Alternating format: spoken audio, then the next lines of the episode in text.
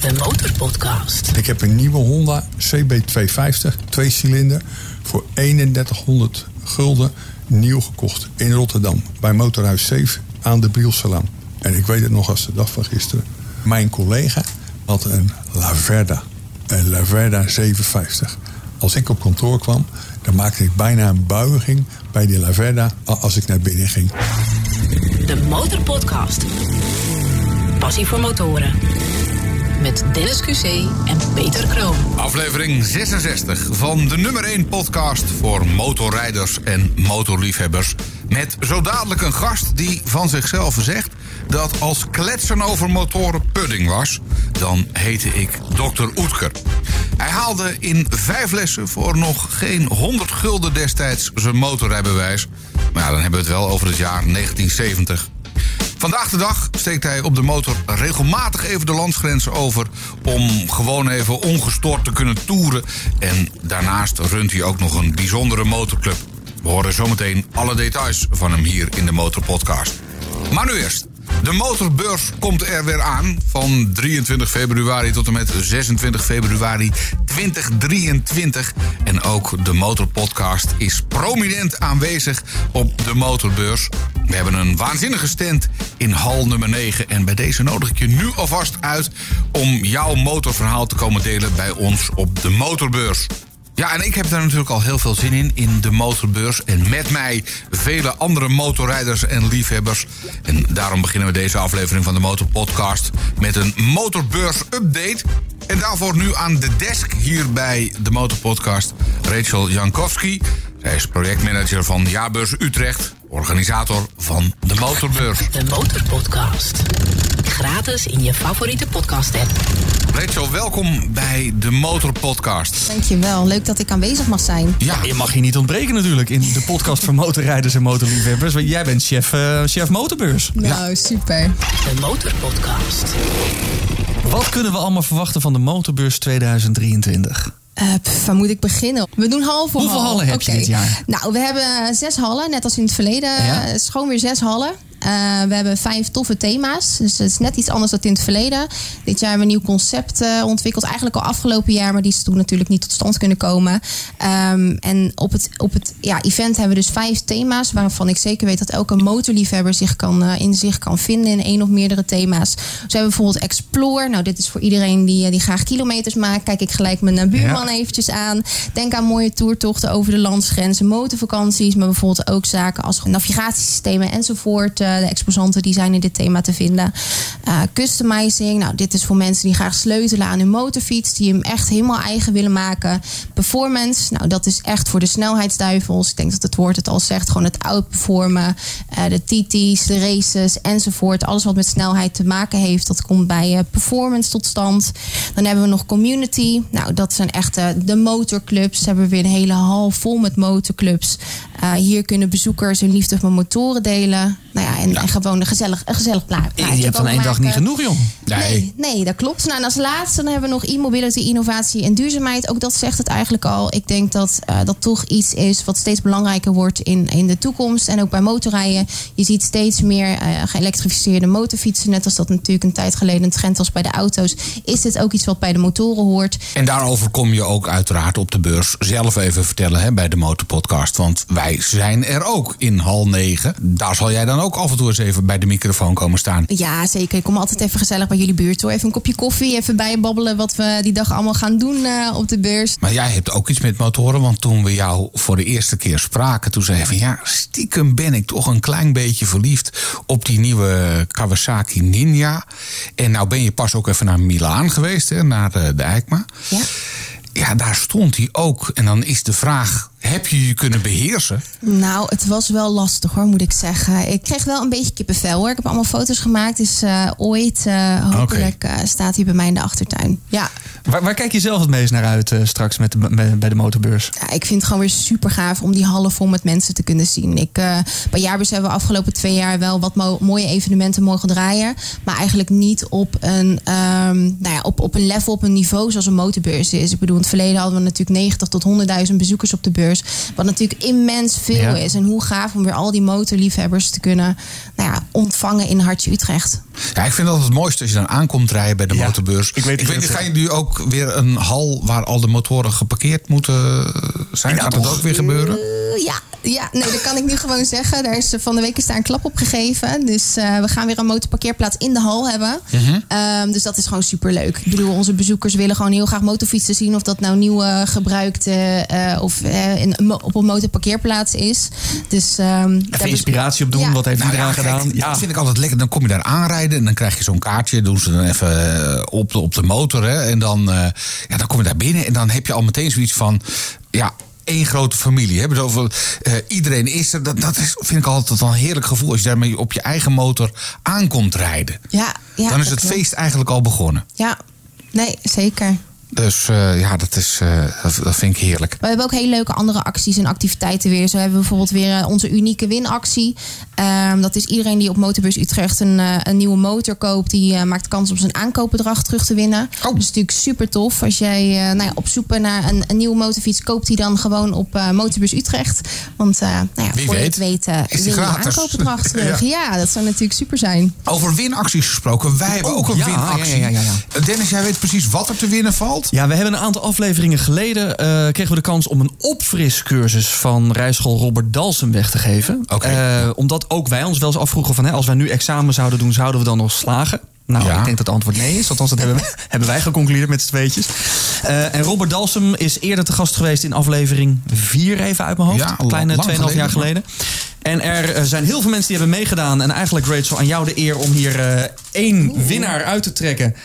Die een opfriscursus bij eh, Robert Dalsem Krijgt. verdiend krijgt. Ja. Oh, ik heb er twee. Het mag er maar eentje zijn. Ja, één. Ja. Sorry jongens. Rachel, wie maak open. jij blij?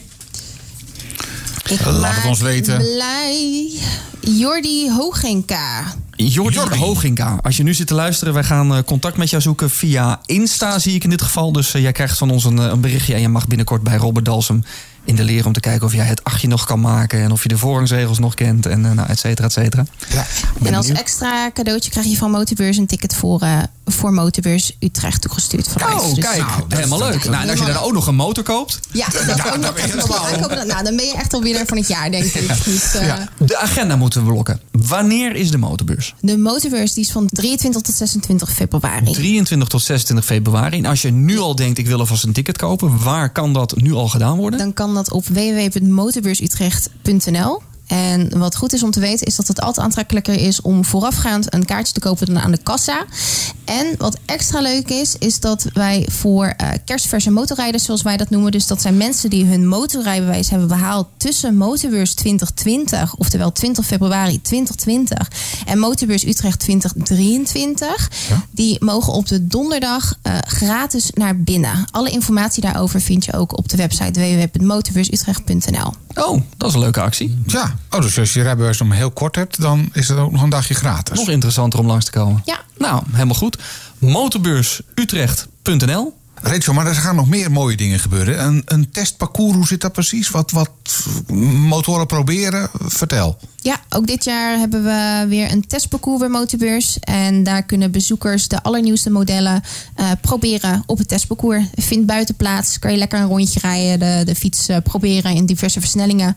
Dus eh, uitgelezen kans om jouw nieuwste model, je favoriete model te testen. en zitten daar dan ook elektrische modellen tussen? Zoals het er nu naar uitziet, zitten daar ook elektrische modellen tussen. Lijkt me wel, ja, toch? Ja. Zeker, ja. En zit jouw droommotor daarbij? Want dat is nog wel even, als je hem nou toevallig net niet hebt gekregen met kerstmis, dat je hem dan even kan proberen op eh, de motorbeurs. Dat, dat, dat, dat durf ik nu nog niet te zeggen. Alleen ik weet wel dat ik een, eh, een elektrische motor ga, ga testen. Nog één keer. Welke data moeten we in onze agenda zetten? 23 tot 26 februari 2023. En kaarten zijn nu al te koop op www.motorbursutrecht.nl De Motorpodcast. Gratis in je favoriete podcast app. Ik moet wel zeggen, ik krijg er wel zin in in de beurs. Ja, hè? Toch? Ja, als ik dit Het allemaal is zo nog hoor. een dan- tijdje weg, maar is, eh, gewoon wel, lekker eh, over die beurs wandelen. Heerlijk. Ja, ja, inderdaad. De Motorpodcast. Achter het vizier van... Ja, we zitten achter het vizier van Koos van der Spek. Koos, welkom in de studio van Dankjewel. de Motorpodcast. Leuk dat je er bent. De eerste vraag die wij eigenlijk altijd aan iedereen stellen is... Waar rij je op? Ik rij eh, momenteel op een, eh, op een BMW.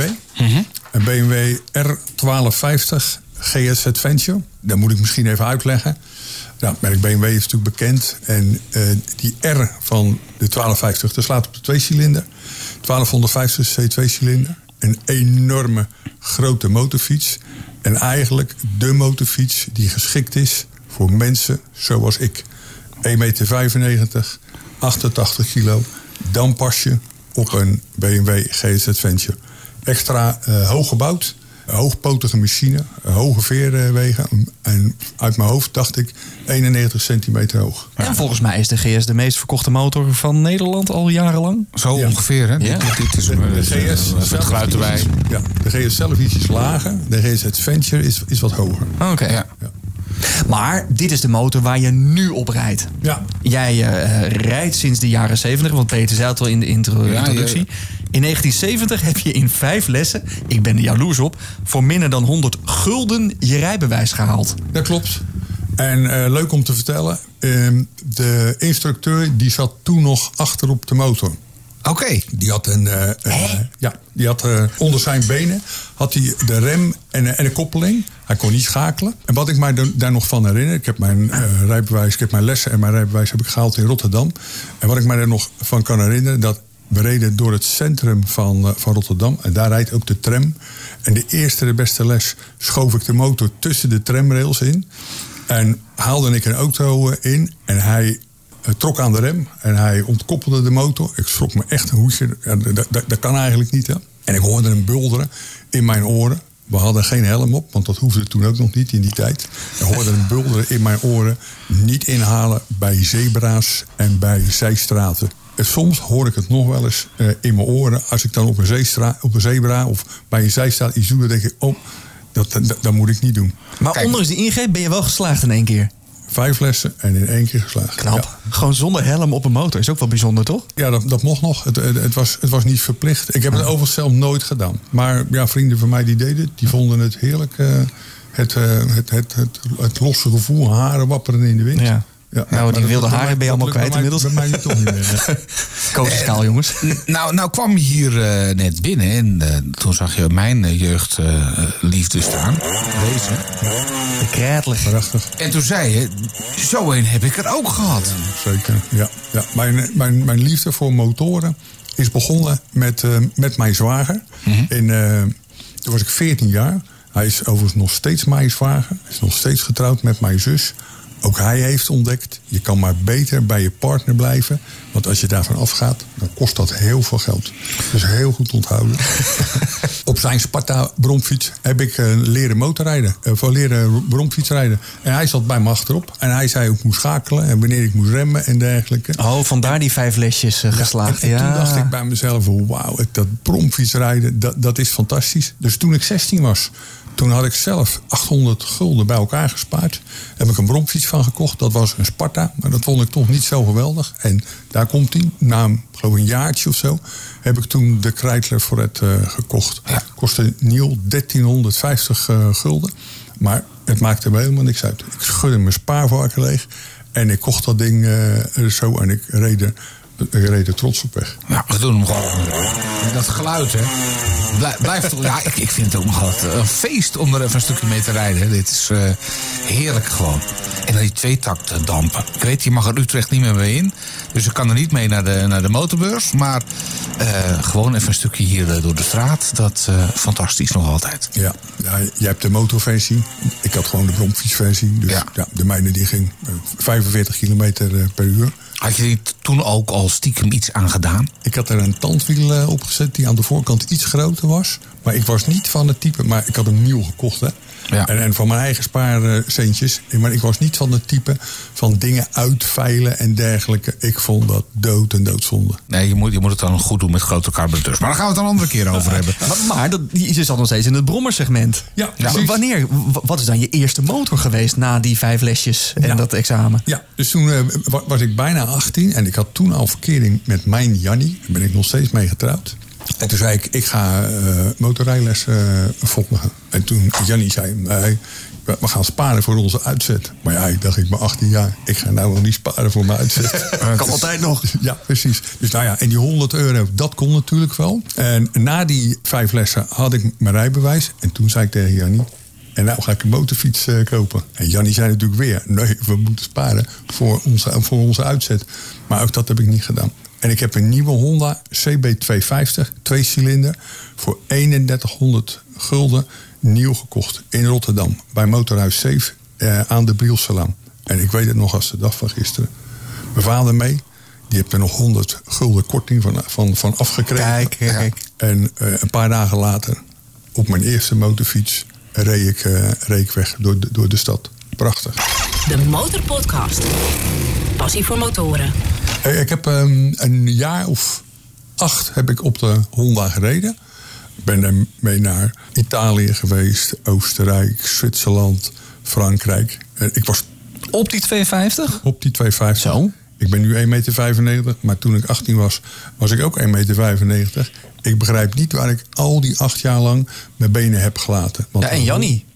Ja. Ja, Jannie, dat, dat ging nog wel, want, die was niet zo erg dik. Nog steeds niet trouwens. Maar eh, hele lange benen op zo'n heel klein motortje. Eigenlijk niet veel groter dan de Kreitler die hier achter, eh, achter mij staat. En eh, ja, we gingen rustig. Drie weken gingen we ermee op vakantie. En dan hadden we een tent bij ons. En een, twee slaapzakken.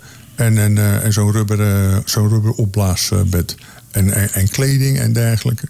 Allemaal op het motortje. Ik vind het knap. En het ging allemaal. Ja, ja het ging allemaal. Heeft je vrouw nooit gezegd wanneer gaan wij een keer in een luxe hotel en gewoon met het vliegtuig of de trein? Of, Het was eh, juist anders. Ja? Op een gegeven moment zei ik van joh, en nou heb ik het een beetje gezien met die motor en al dat pakken en dergelijke. En, en inmiddels hadden we al een, een auto. Jannie had een auto. Toen zei ik, nou laten we dan nu een keer met de auto gaan. Maar Jannie zei, nee, we gaan lekker met de motor.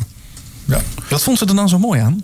Eh, de vrijheid. vindt ze er zo mooi Ja, aan? de, de vrijheid, het, het buiten zijn. Ja, eigenlijk de beleving. En het kamperen. Ik eh, weet dat hier eh, Peter tegenover Ja, mij... ik- ik ben ook niet zo'n een fan, hoor. schurfthekel aan kamperen. Nee, eigenlijk niet. Ik vind het vreselijk. Ja.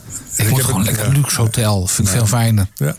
Ik heb het heel lang niet gedaan, maar ik ben vorig jaar ben ik nog met mijn tentje in Kroatië geweest. En Jannie die gaat niet meer. eh, Nee? nee, die gaat niet meer mee met, eh, op, eh, met een tentje. Die, als we gaan, dan gaan we in een mooi hotel. Maar ze gaat nog wel met je mee op de motor. En een paar keer per jaar, dan eh, een dagje. En, en soms even twee dagen. Dagje heen, dagje terug. Bijvoorbeeld een dagje naar Groningen, daar een mooi hotel. Een, lekker eten, een sauna. En dan de andere dag weer, eh, weer lekker terug. Nou, nou vertelde je al eerder van... als ik even de kans krijg, dan ga ik ook even de grens over... en dan even een stukje het buitenland in... of tenminste even Duitsland in, want daar minder eh, drempeltjes. eh, Precies. Het is gewoon allemaal... Ja, Hoe klopt. vaak komt dat voor? Is dat gewoon wekelijks, dagelijks misschien? Nee, dat niet. Ik denk een keer of zes in een jaar. Ik ben voorzitter van een motorclub. En de, de leden die verwachten dat ik ja, trips organiseer. En, en dat doe ik ook. En veelal zijn dat natuurlijk ook dagtrips. Afgelopen zondag hebben we nog een ritje gereden. Maar eh, de hoogtepunten zijn toch wel de, de, de weekenden. En eh, ja, dan gaan we of vier of drie dagen. Eh, donderdag tot en met eh, zondag. En dan ja, kiezen we de Eifel, het Sauerland, eh, heel vaak in Luxemburg. Beetje de definitie eigenlijk van onze trips zijn slapen en eten en drinken in Duitsland en motorrijden in Luxemburg. Jij was ook enthousiast over Ja, Luxemburg. Luxemburg ook heel erg mooi. Daar is het asfalt mooi. Ja, asfalt is mooi en eh, de omgeving is mooi. Hotels zijn goed, eten is goed. Het is eigenlijk allemaal eh, oké. Ja, wij slapen dan liever in Duitsland en eten en drinken daar, want dat is daar wel wat goedkoper. Ja, dat is zo. Ja. Maar je bent voorzitter van een motorclub. Ja, Eh, heb je geen eh, tourcommissie eh, die dat voor jou fixt? ja dat doe ik allemaal zelf. Doe je allemaal zelf? Ja, ja, ik hou niet van inspraak, eerlijk gezegd. Oké. Lekker ondemocratisch gewoon. Precies, een, soort, een soort Idi Amin ben ik. Ja, ik heb ook- ja, een beetje, geen- een beetje dictatorachtig. Ja, roep het maar rustig. Dus af en toe kan het, kan het geen kwaad. Maar, maar ik zeg altijd, als je iets organiseert, dan moet je het heel goed doen. Ja? En als je het heel goed doet, dan vindt iedereen het fantastisch. En dan is er eigenlijk ook nooit kritiek. Kijk, als je het niet, niet goed doet en je doet het met elkaar, dan kan je het een beetje afschuiven. Ja. Maar ik organiseer het en het moet helemaal perfect zijn. En ze gaan, let op, al twintig jaar lang gaan ze met me mee. Oh, dat zegt ook wel iets. Dus- ja. dus het- Ah, zo, zo doet Poetin het ook. Ja, ja, die- Kim Jong-un. Ja. Ik organiseer het goed en, en ze, ze doen. Ja. Ja, ik vind het leuk om te doen. En eh, ja, ik ben een van de weinige zeg maar, mensen die niet meer werkt eh, sinds een aantal jaren. En, eh, en, en iedereen die vindt het beste. Iedereen vindt het best dat het georganiseerd wordt. En dat ze, ja, dat, dat ze gewoon aan kunnen schuiven. Wil je nog meer horen van onze gasten? Word dan vriend van de Motorpodcast. Kijk op demotorpodcast.nl. En wat is het voor motorclub? Is het één merk of eh, allemaal Ja. all-road bikes? Of... Het is een, een motorclub die samengesteld is uit een doorsnee van de Nederlandse samenleving.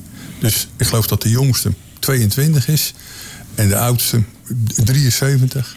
Mannen en vrouwen. Iedereen die mag mee, die ons, zoals ik dan altijd dat noem, een beetje in het toertempo kan volhouden. Want we rijden wel redelijk door. Sinds kort is er zelfs een Harley Davidson bij. Waarvan ik bij mezelf dacht van, nou, ik weet niet of die het Gaat dat niet bijhouden? Hè?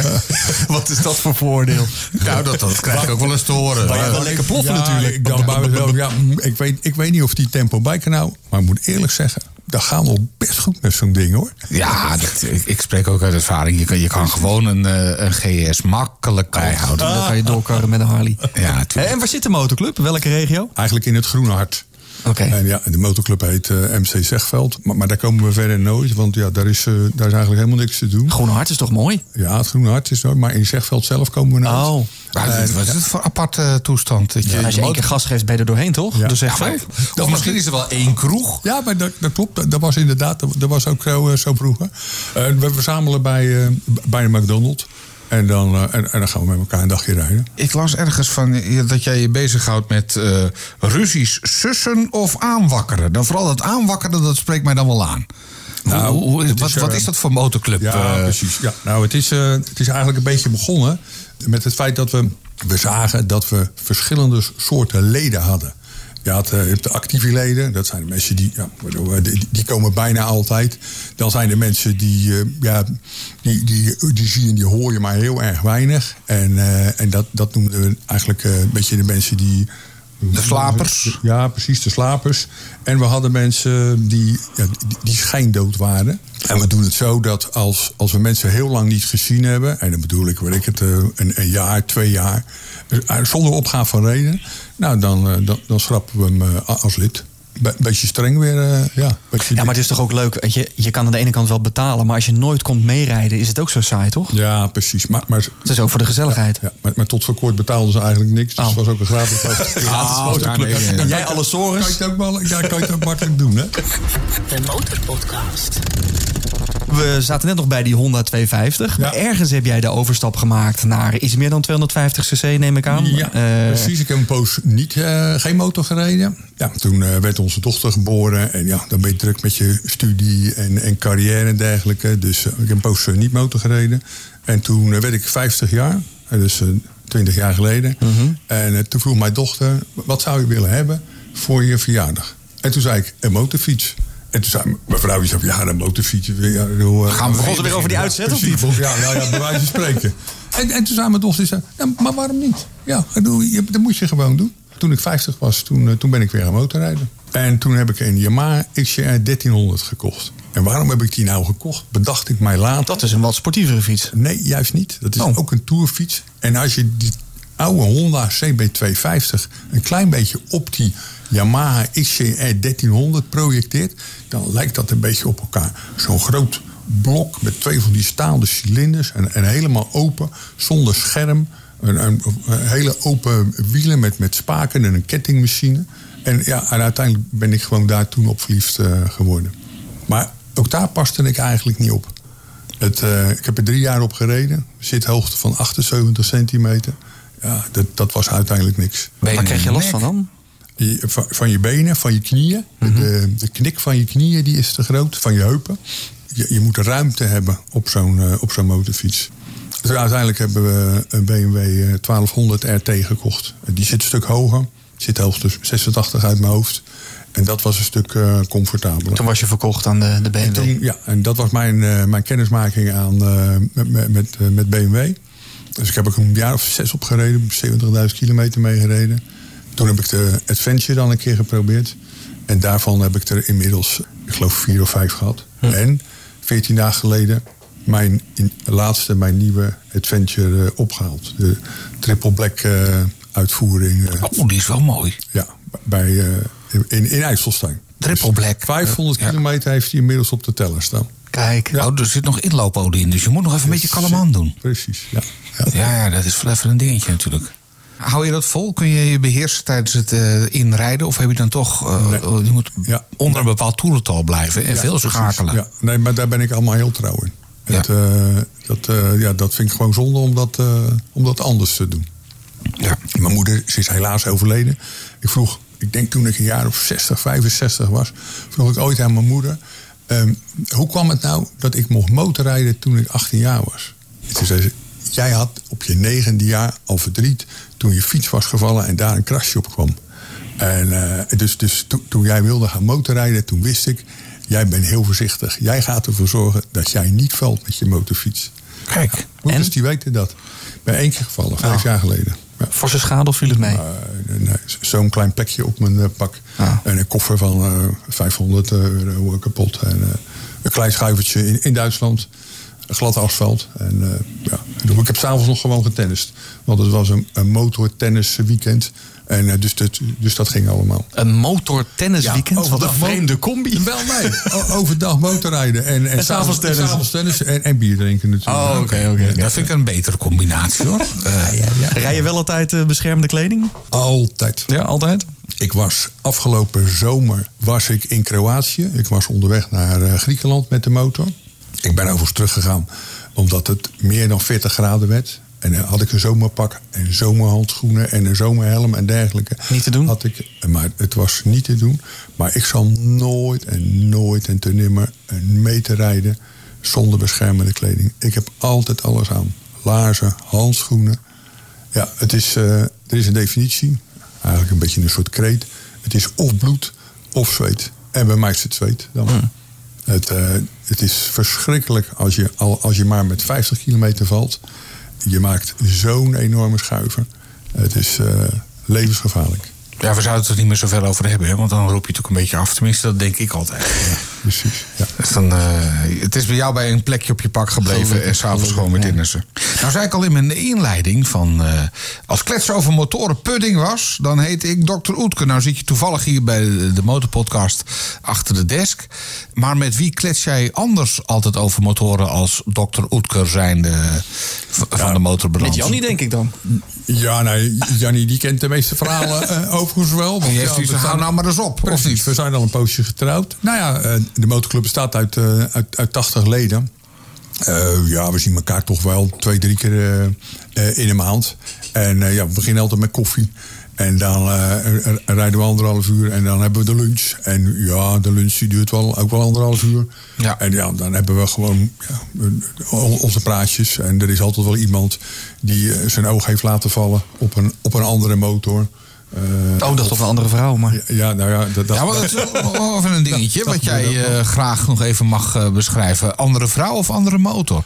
Ja, andere vrouw, dat is ook wel gebeurd, ja. Maar, eh, maar, maar me- meestal gaat het over een andere motorfiets dan. Of, ja. of plannen, of een ander pak, of een andere helm. Of, eh, maar ook wel de dingen natuurlijk gewoon ja, die thuis gebeurd zijn. Of op het werk gebeurd zijn. Daar schrijf je ook voor ikzoekenmotor.nl. Daar eh, staat menig reisverslag van jou op. Voor de mensen die ikzoekenmotor.nl niet kennen, wat is het voor website? Het is een, eh, een website waar eh, heel veel reisverhalen op staan. Ik heb er zelf bijna honderd geschreven. Reisverslagen, eh, motornieuws, eh, tips en, en dergelijke. Mensen kunnen daar zelf artikelen voor aanleveren. En, en, en John, eh, die eigenlijk de beheerder is van, eh, van de website... Die, eh, ja, die levert daar zelf ook artikelen voor aan. Wat is nou het mooiste verhaal wat je daar hebt opgeschreven? Nou, niet één verhaal, maar ik kwam via een vriendje in aanraking met eh John. En John die vroeg of hij mij mocht interviewen als motorrijder. En ja, of ik dan een verhaal uh, zou hebben. En, en, toen zei ik tegen John, een verhaal. Ik, ik, ik heb er wel honderd. En, en, dat zijn er uiteindelijk dan ook honderd geworden. Ik ben in 2017 ben ik gestopt met werken. Omdat ik, uh, ben ik met pensioen gegaan. Ik heb bijna 50 jaar in de ICT gewerkt. Eind 2017 ben ik gestopt met werken. En ik wilde al tien jaar lang een, een lange reis maken met mijn motor. En in 2018 ben ik dat gaan doen. Daar heb ik verslagen van uh, geschreven. En die verslagen die heb ik uiteindelijk gepubliceerd op de website van John. Dus het is eigenlijk een volledig verslag geworden van mijn reis. En dat is eigenlijk ja, het mooiste verhaal wat ik geschreven heb. Want voor mij was dat ja, een wens die in, uh, in vervulling uh, ging. Toen. Welke reis heb je gemaakt? Ik heb 10.000 kilometer door Zuid-Europa gereden. Ik ben op 28 februari ben ik uh, gestart. Toen lag er een halve meter sneeuw in Frankrijk. En er lag toen zelfs sneeuw in Barcelona. Dus ik heb de motorfiets heb ik in Klundert op een lijndienst gezet. De motorfiets is met de vrachtauto naar Barcelona gegaan. En ik ben daar heel luxe en heel decadent ben ik daar achter aangevlogen. Ik heb daar eerst lekker twee of drie dagen in een hotel gezeten en Barcelona bekeken. En vervolgens werd ik opgehaald en werd ik naar mijn motorfiets gebracht. En vanuit daar ben ik gestart met mijn reis door Zuid-Europa. Ik ben langs de oostkust van uh, Spanje ben ik gereisd. Ik overnachtte in hotels, in bed and breakfast, maar ook veelal in mobile homes, op, uh, op campings. Omdat ik vond, ja, dan heb je toch net even wat meer contact met andere mensen. Je reed in je eentje? En ik reed in mijn eentje, ja. ja. Uh, je hebt net even iets meer contact met andere mensen. Zo'n hotelkamer, daar verdwijn je een beetje. Ja. En ja, op zo'n camping heb je ja, toch wel iets meer een beetje een, een, een campinggevoel. ik ben de hele oostkust uh, afgezakt. Valencia, Murcia. En gewoon op de Bonnefoy zo van hop, karren en we zien wel? Nee, ik had wel allemaal routes gemaakt. En in die routes, daar zat voldoende vrijheid om uitstapjes te maken in het binnenland in. Dus als ik dan ergens was, nou, dan, dan, dan ging ik uh, een dag wandelen of ik stapte ergens op, op de bus om, om iets om, om de stad te gaan bekijken. En dan de andere dag dan stapte ik op de motor en dan reed ik 200 kilometer reed ik het binnenland in. En dat deed ik dan wel gewoon op de Bonnefoy. Ja. Daar ben ik helemaal rondgegaan, zo richting Gibraltar. En door Portugal ben ik uh, gereisd, heb ik de kust gevolgd. Toen ben ik het binnenland ingegaan. De grens van Portugal naar Spanje is heel mooi en, en heel bijzonder. Heb je ook veel vestigingsplaatsen. Dus die heb ik bekeken, ben ik geweest. Ik ben, ik dacht dat het maart was, ben ik de Pyreneeën overgestoken. En dat was, uh, vond ik achteraf van mezelf heel erg dapper. Want daar reed ik echt tussen sneeuwmuren door van twee meter hoog. Via Zuid-Frankrijk naar Italië, uh, Rome. In de Rome zat ik met een stel op straat te praten. En toen zei ik van, nou, ik denk dat ik nu weer een klein beetje richting huis ga. En, en die zeiden tegen mij, dat was een jong stel. Ja, maar jij kan Italië niet verlaten zonder naar de Amalfi-kust te gaan. Nee, ik wou net zeggen, je bent er nou toch. Ik had er nog nooit van gehoord. Ja, ja je kan niet alles weten. Nee, okay. Dus uh, ik heb op de kaart gekeken waar dat lag. En, en toen ben ik, uh, ben ik doorgereisd. En toen zat ik uh, in, in de buurt van, van de Amalfi-kust. En daar ben ik ook in Pompeii geweest. En ik ben op de Vesuvius uh, geweest. Dus ja, werd het ook wat, wat meer een culturele reis. En Amalfi-kust ben je nog in Via Reggio geweest? Want hè, met onze Ja. vorige gast, een van onze vorige gasten sprekend, Rick Precies, Nieman, altijd precies. Via Reggio. Ja, ik had het boek gelezen en ik zag uh, dat hij op de podcast uh, was. En ik reed door Italië en ik kwam door Via Reggio. En toen moest ik aan Nick Niemand denken. Ik denk, oh, dit is van het boek. Heel erg leuk, ja. ja. Hoe lang heb je erover gedaan over deze tocht? Kleine drie maanden. Heerlijk. 10.000 kilometer. En het heeft ongeveer 10.000 euro gekost. Ja. Ja. dat is wel leuk om te weten. Ja, nou, dat, Ja. dat wilde ik ook meteen vragen. Wat kost dat dan? De Precies, ja, ja, ja. tien ja. ruggen voor een eh, drie maanden onderweg. Ja, ik heb in eh, Spanje banden moeten wisselen, maar dat was gepland. Want ja, ja dat gaat gewoon. eh, ja, ze gaan geen 10.000 kilometer mee op zo'n eh, op zo'n trip. Maar ja, goed, dat is een kwestie van de BMW-dealer bellen. Zeggen we, joh, over twee dagen dan, dan ben ik er. En dan, eh, en dan na een uur dan, dan rij je weer weg. Klinkt fantastisch, maar eh, drie maanden in je uppie? Hm? Goed te doen. Op een gegeven moment zou ik dan toch even een beetje zat zijn. Ik weet niet. Nou, ik had uiteraard natuurlijk eh, contact eh, met, met, met thuis. Ja, die heb natuurlijk tegenwoordig allerlei Ja, mobieltje. Moderne middelen. Vroeger was het zo dat als ik met mijn vrouw op vakantie was, dan stuurde een kaartje van nou, we zijn aangekomen. En als we dan weer thuis waren, dan, dan kwam het kaartje altijd pas, pas aan. Maar ja, dat gaat natuurlijk tegenwoordig allemaal wat handiger. Het leuke was voor mij dat ik eh, allerlei mensen ontmoette. En, en dat is het leukste van een reis als je alleen gaat. Ik, eh, Ja, locals. gisteravond zat ik met mijn vrouw eh, hier in Bussum te eten. Dan zit ik samen aan tafel. Komt er niemand naar mij toe om te zeggen van... joh, heb je zin in een praatje? Maar als je in je eentje zit te eten en je kijkt een beetje brutaal om je heen... ja, er is altijd wel, ja, wel, wel- ook wel iemand die ergens aan tafel zit. Ja, en doen- en waarom zou je daar niet op, afsta- eh, op afstappen? En plus dat het slim was dat je bij mensen thuis ging slapen. Dan heb je ook veel meer contact dan dat je in een, een groot Holiday Inn hotel gaat zitten. Ja, ja, absoluut. Ja. Ja. Ja, En, en, en ja, op campings heb je ook gewoon meer contact dan... Ja, je, je bent gewoon meer buiten. Je loopt eh, meer buiten. Dus... eh, Heerlijk toch om gewoon te plannen dat je een paar maanden door Zuid-Europa gaat toeren. Ik vond het fantastisch. Ja. ik Pakken ze je niet meer af, hè? Daar pakken ze me niet meer af. Wil je nog meer horen van onze gasten? Word dan vriend van de Motorpodcast. Kijk op demotorpodcast.nl. Aflevering 66 van de Motorpodcast. De nummer 1 podcast voor motorrijders en motorliefhebbers. We hebben straks nog de vraag voor jou, Koos. Wat ga je doen met 100.000 euro voor je motorpassie? We gaan nu even de post bespreken. De Motorpodcast. De post. Er is veel post binnengekomen. Eh, reactie op de aflevering met Rick Nieman. Eh, Motormuis Friesland die schrijft... Heerlijke aflevering met Rick Nieman. Nou, Motormuis Friesland, dankjewel. En Bas Joris, 26, die schrijft... Hey mannen van de Motorpodcast. Wat een fantastisch leuke podcast maken jullie. Dankjewel. Ik heb jullie helaas vorige week pas ontdekt... en ben nu vanaf aflevering 1 aan het binge-listenen. Na de aflevering over Mongolië ben ik helemaal geïnspireerd... om ook een lange reis te maken op de motor. Ik denk door de Balkan... Wellicht niet met mijn huidige bike, Never Sell Just That. Hij rijdt nu op een Harley XL 1200 Sportster. Die rijdt hij sinds twee jaar. Eh, het is ook zijn eerste bike, echt puur genieten. Maar hij wil toch naar een andere motor gaan kijken. Keep up the good work. En dank voor het maken van de goede inspiratie. Nou, graag gedaan.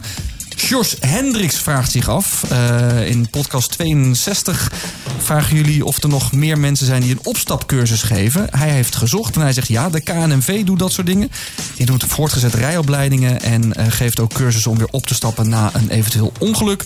En Nisse Blankendaal, ik weet niet of je het nog kunt herinneren, Peter, die heeft eh, de cursus bij de Stunt- en Wielieschool gewonnen.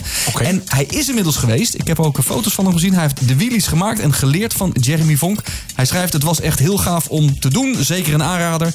Wel een aanslag op je lijf. Hij had last van enorme verzuring in de onderarmen. Twee sessies klooien om de motor goed omhoog te krijgen. En daarna vooral de techniek van het remmen en gas afwisselen, combineren en verfijnen. Nogmaals, dank voor de tegoedbon.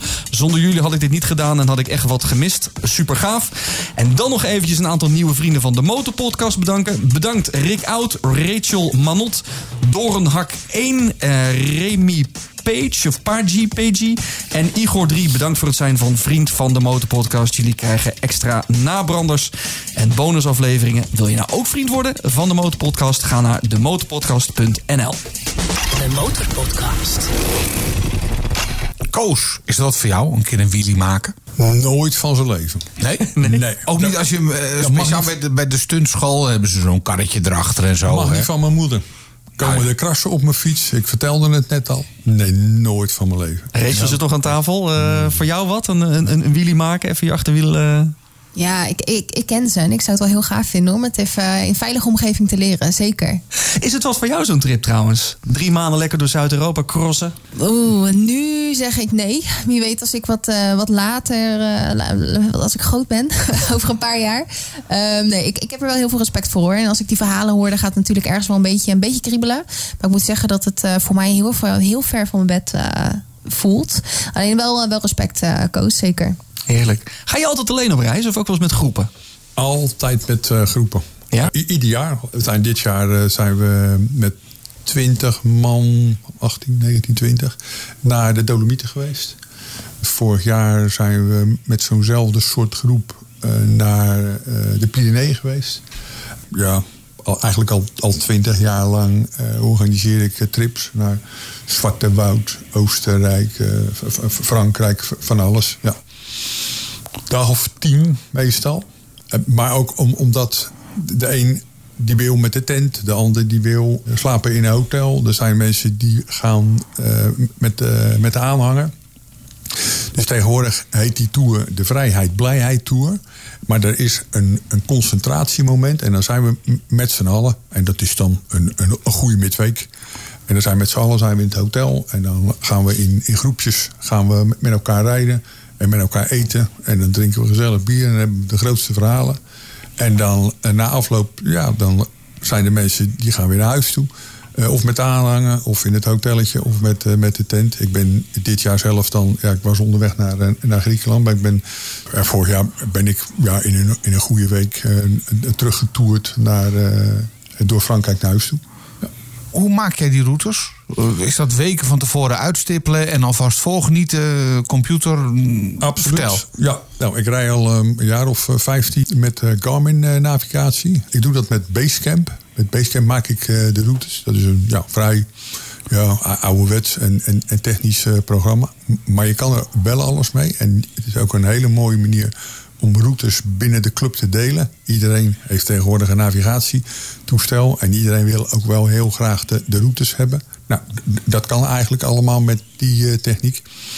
En ik maak een draaiboek. Een, een, een draaiboek, wat ik durf het bijna niet te zeggen, toch vaak wel een bladzij of 35, 40 is. Sorry? Jazeker. Ja, van, Oh, je gaat tien Wat dagen, gaat er allemaal in, joh? Oh ja, dat is waar. Ja, tien dagen, ja. ja, a- alle routes, alle afdrukken van, eh, van de routes. Dus, Menukaart van de restaurants. Precies. Nou, niet helemaal. Maar, maar het kan wel zijn dat als je ergens over moet varen... dat de, dat de afvaarttijden erin staan. Ah, ja, ja, ja. eh, bijvoorbeeld. Ik spreek daar ook een aantal dingen mee, mee af. Omdat ja, ik vind het gewoon heel vervelend... om al die discussies onderweg te hebben. Dus we spreken bijvoorbeeld van tevoren af... we gaan om half negen gaan we 's morgens ontbijten. En eh, we hebben een tourgroep en we hebben een, een snelle groep. Mensen vinden het prettig om gewoon van tevoren die duidelijkheid te hebben. En mensen vinden het ook prettig om te weten van... maar ik ga met de tourgroep mee. En ik hoef niet per se met de snelle groep mee. Of andersom. Eh, er zijn mensen die, die kunnen... eh, er is iemand in de club en die durft rustig in, in één keer... van, van, van Nederland, van, van Utrecht, naar de Dolomieten te rijden. Dat is gebeurd. Nu doet hij er dan twee dagen over. Maar ook dat is eigenlijk niet te doen. Maar er zijn ook mensen die zeggen: Nou, ik ga er gewoon eh, een, een zeven dagen over doen. Al die routes en al die plannen, die beschrijf ik daarin. En ja, dus dan krijg je een beetje een soort cafetaria-model. Van nou, hoe wil ik, hoe wil ik erheen? En, en als ik daar dan ben, en ga ik daar dan toeren of ga ik daar, daar dan, dan racen? Of, eh, ja, of een combinatie daarvan. De Motorpodcast. Wat voor andere uitstapjes staan er verder nog op het programma dan tijdens de motorvakantie? Ga je nog tennissen of eh, worden er nog culturele dingen gedaan? Ja, dat gebeurt ook. Nou, wij- Onder andere, we zijn een paar weken geleden zijn we naar Fort Asperen geweest. Een vriendje, motorvriendje, die is daar gids. Dus toen hebben we samen hebben we een plan gemaakt om, om daar dan naartoe te gaan. En daar een rondleiding door Fort, Fort Asperen. En toen zijn we, s'avonds zijn we met z'n allen zijn we lekker wezen eten. En dat gebeurt. Dit jaar staat eigenlijk nog de traditionele eh, tour op de planning. En dan gaan we naar de grootste kerstboom van Europa.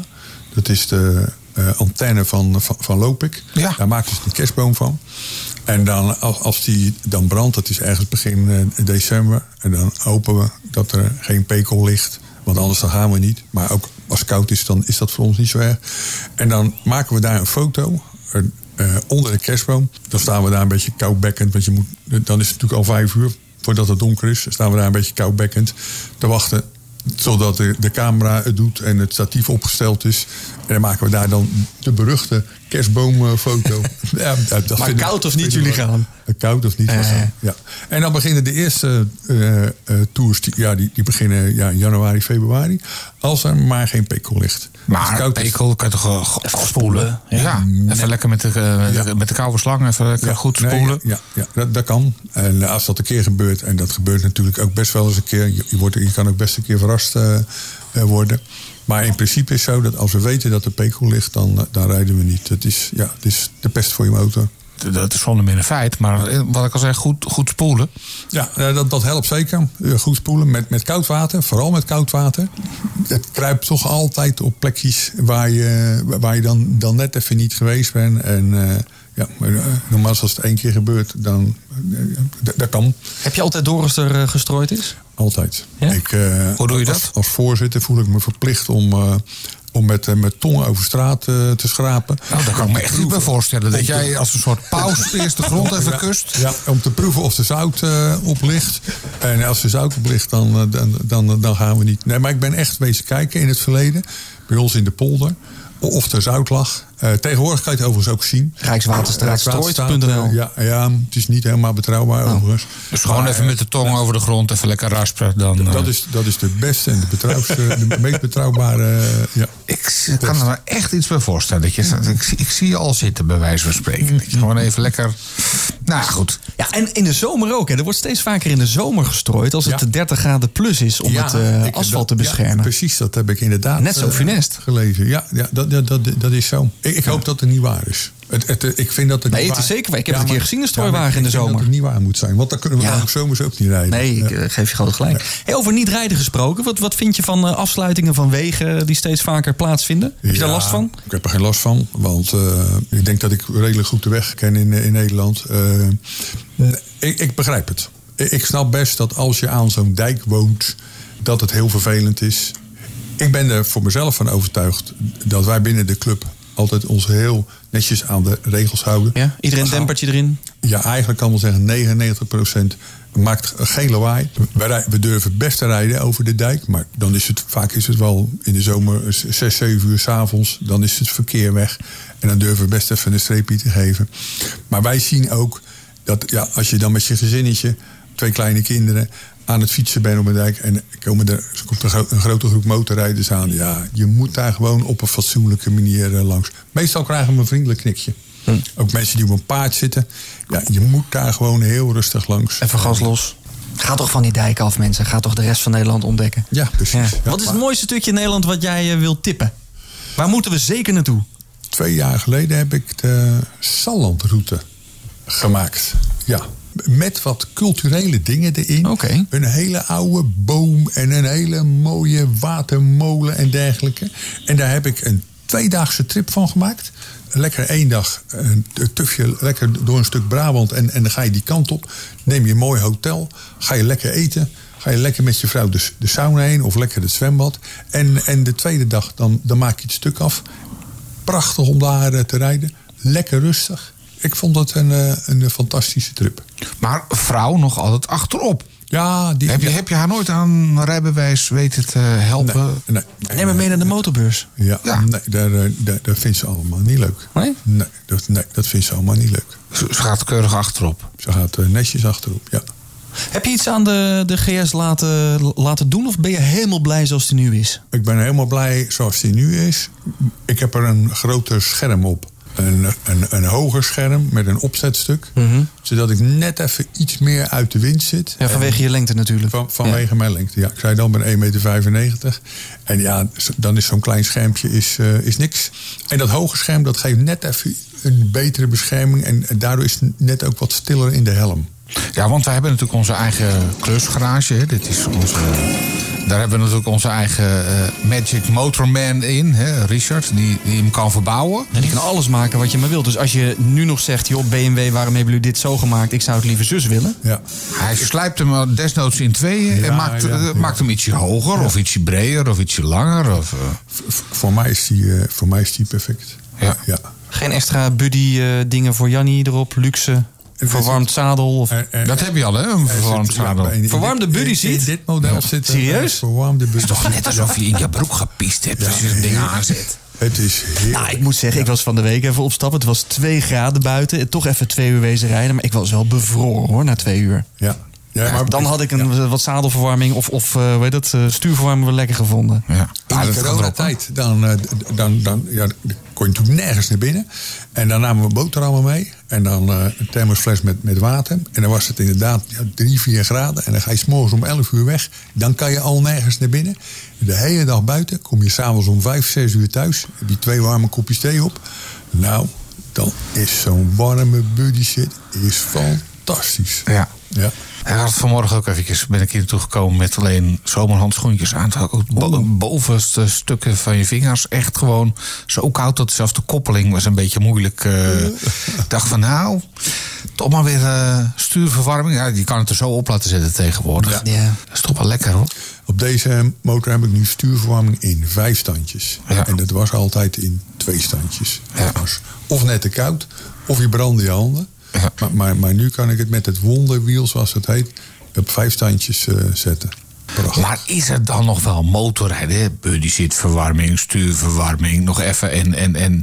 Zoals rijdt hij vanzelf. Ja, nou die zijn er ook. Hè? Ja. Heb je dat wel eens gezien? De BMW die vanzelf rijdt. Ja, of je hem niet eens meer je evenwicht kunnen bewaren. Ja, ik heb hem gezien.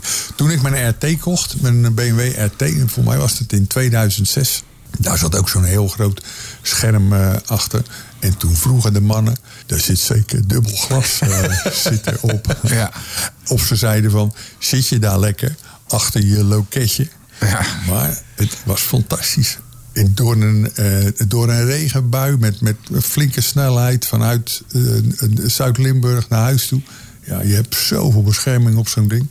Toch is een beetje wind in je poren ook wel lekker, toch? Zeker, ja. Maar ik rijd hem toch wel 20, 25.000 kilometer per jaar. Ja. En dat is wat anders dan als je 2000 kilometer per jaar rijdt. Dan, dan is de beleving wel anders. Ja. En als we vier dagen in, eh, in het buitenland zijn geweest... en dat laatste stukje vanuit Zuid-Limburg... dan moeten we eigenlijk alleen nog maar de- naar huis over de A2. Nou, dan geloof ik het allemaal wel. Dan, eh, dan, dan wil ik gewoon naar huis toe. Bij mijn clubje noemen ze het het, eh, het oude lullenruitje. Ja, dat, eh, Ja, ik, heb, ik heb er ook een ruitje bij, maar het kan er heel makkelijk vanaf. Ja. En als het een beetje goed weer is, dan haal ik hem er vanaf. Maar ja. Ja. met dit weer, dan denk je toch het oude lullenruitje er maar weer op. Want Lekker, het is toch net even... eh, ja. Ja. ja. Ik ben er soms weer jaloers op. Als ik dan toch met 130 op snelweg rijd en het is een graad of 5, 6, 7, 8... dan moet ik plat op mijn buik gaan liggen, wil ik achter dat kuipje van mij verdwijnen. En dan denk ik wel, ja, dan is zo'n ruitje wel lekker. Of een Heerlijk, beetje verwarming hier en daar. Ja. Ja. Het hoort ook een beetje Spartaanse zijn. De Motorpodcast. Zometeen wil ik echt nog wel weten wat je gaat doen met die 100.000 euro voor je motorpassie. Want volgens mij heb je daar de meest wilde ideeën, eh, ideeën mee. Nou, eigenlijk juist niet. Oh. Nee, Oh. nee. Want, eh, Nou, we kunnen hem, anders gooi je hem er nu gewoon in. De Motorpodcast. 100.000 euro voor je motorliefde. Wat ga jij ermee doen? Nou, vertel. Nou ja, ik heb natuurlijk al een paar keer verteld dat ik op de ideale motorfiets voor, voor, voor mij rijd. Dus ja, ik zou die 100.000 euro, ik zou niet weten waar ik eh, ze aan moet eh, besteden. Ja, je hebt toch wel iets dat je denkt van nou, als het dan echt, als gewoon hap een ton erover over de balk kan gooien, dan doe ik een custom bike gewoon om te hebben. Mijn 100.000 euro, die zou ik besteden aan een ander huis. Een ander huis met een dubbele garage. Ja. Het is een beetje een decadent verhaal. Maar mijn motor die staat achter in de garage. En als ik ga motorrijden, dan moet eerst mijn auto die op de oprit staat, die moet de straat op. Dan moet de auto van mijn vrouw, die in de garage staat, die moet de oprit op. En pas dan kan ik bij mijn motor. Dus die 100.000 euro, die zou ik in een ander huis stoppen met een dubbele garage. Dat is wel een luxe probleem, Marco's. Ik zei het al, het is een, het is een klein, klein beetje decadent. Ja, en het is ook niet helemaal binnen de spelregels van eh, die 100.000 euro. Dus hij gaat dit keer, we keren hem niet uit om die reden. Nee, want het moet echt gaan over. eh, over eh, als je dan die ton uit moet geven aan een motorfiets, heb je niet één ding, één motorfiets waarvan je zegt: Nou, ik koop een. Voor mij wordt een Boss Horse, laat je overkomen uit de Verenigde Staten. Of een dan- zijspan. Ja, of een zijspan of een dikke met, eentje met een V8 motor erin. Dat kan ook nog. Hè. Iets, iets Nou. helemaal over de top, bizar, idioot. Dat ze zeggen, nou, dan heb je Koos weer. Niet met zijn dubbele ruitje, maar eh, hè, die trekt de tegels uit de, uit, uit de straat. Nou, als jullie nou, nou echt aandringen, dan, dan, zou ik misschien nog wel een, een, een verhaal weten. Ik was eh, in de, ik denk 69, 1970, was ik eh, computeroperator in Rotterdam bij Alpha Computerdiensten. Be- Bestaat alle- allemaal niet meer. En, als, en daar werkte ik eh, ook in nachtdienst. En als, we dan, als het werk dan klaar was, dan mochten we naar huis toe. En ik was met de bus was ik naar mijn werk gekomen. En mijn collega, die reed motor. En die had een Laverda. Een Laverda 750. Als ik op kantoor kwam, dan maakte ik bijna een buiging bij die Laverda als ik naar binnen ging. En s'nachts om drie uur was het werk klaar. Dus ik in mijn korte jasje, het was zomer, mijn spijkerbroekie, mijn tasje onder mijn arm, zonder helm, achterop. We gingen met 160 kilometer gingen we door de Maastunnel. Er zit een bocht in, een flauwe bocht. Maar als je daar met 160 doorheen gaat, lijkt het bijna op een haakse bocht. En toen ik eh, thuis was en, eh, en afstapte, toen vroeg ik... maar wat nou als er een motor met pannen om de hoek daar in die tunnel staat. En dan met zo'n snelheid. Oké, dan worden we gelanceerd. Zonder helm. En toen dacht ik bij mezelf, ja, dat is motorrijden. Zo'n zo'n zo'n eh, zo'n Laverda 750, d- dat zou ik wel mooi vinden als ik die ja, ergens in de woonkamer had staan. Nou. Die kost geen 100.000 euro. Nee, maar goed, dat, dat kan je er dan gewoon even bij doen. En ook nog dat extra deurtje in die garage. Ja, precies. Achterdeurtje, achterdeurtje. We praten met eh, Koos zo meteen in de nabrander nog even door over jouw eh, belevenissen op het eh, TT-circuit As. Want daar heb je ook gereden, over doorrijden gesproken. En eh, wat er natuurlijk niet in de bagage van de motorrijder die op reis gaat mag ontbreken. Maar laatste vraag voor nu is, wat is nou jouw gouden reistip als voorbereiding voor zo'n motorreis? Ik controleer altijd de bandenspanning. Moet ik wel zeggen dat het systeem van de BMW daarbij helpt. Want als ik nog de straat nog niet uit ben, dan kan, kan ik de bandenspanning aflezen. Maar toch doe ik dat ook elektronisch. Heel vaak zie ik toch dat als de motor twee of drie weken stil heeft gestaan, dat er een heel klein beetje bij moet. Bij mijn motor is het 2,5 voor en 2,9 achter. En dan wil het wel terugzakken naar 2,4 of 2,8. En ik voel het. Ik voel Ja, maar 2,5 is toch al weinig voor een voorbandje? maar dat is standaard. Dat is uh, fabrieksvoorschrift. Oké. Maar als die naar 2,4 of naar 2,3 uh, zakt, dan... dan, dan, dan Dan gaat je lampje aan op het dashboard, toch? Ja. Precies. Dat controleer ik uh, altijd. Olie. Olie is eigenlijk niet nodig, want deze types die... Uh, Hij heeft een Harley, hè? die, ja, Ja. precies. Ja. Maar deze types die, die gebruiken geen olie meer. De luchtgekoelde versie wel altijd. Had ik ook altijd een liter olie bij me. Een liter, hè. Maar de- deze, dit type motor hoef je binnen de 10.000 kilometer... hoef je geen, uh, geen olie meer bij uh, te vullen. En een fles water. Het is belangrijk dat als je de hele dag onderweg bent... dat je voldoende water drinkt. En dat zijn de dingen waar ik, waar ik aan denk. Goeie tips, hartstikke goed.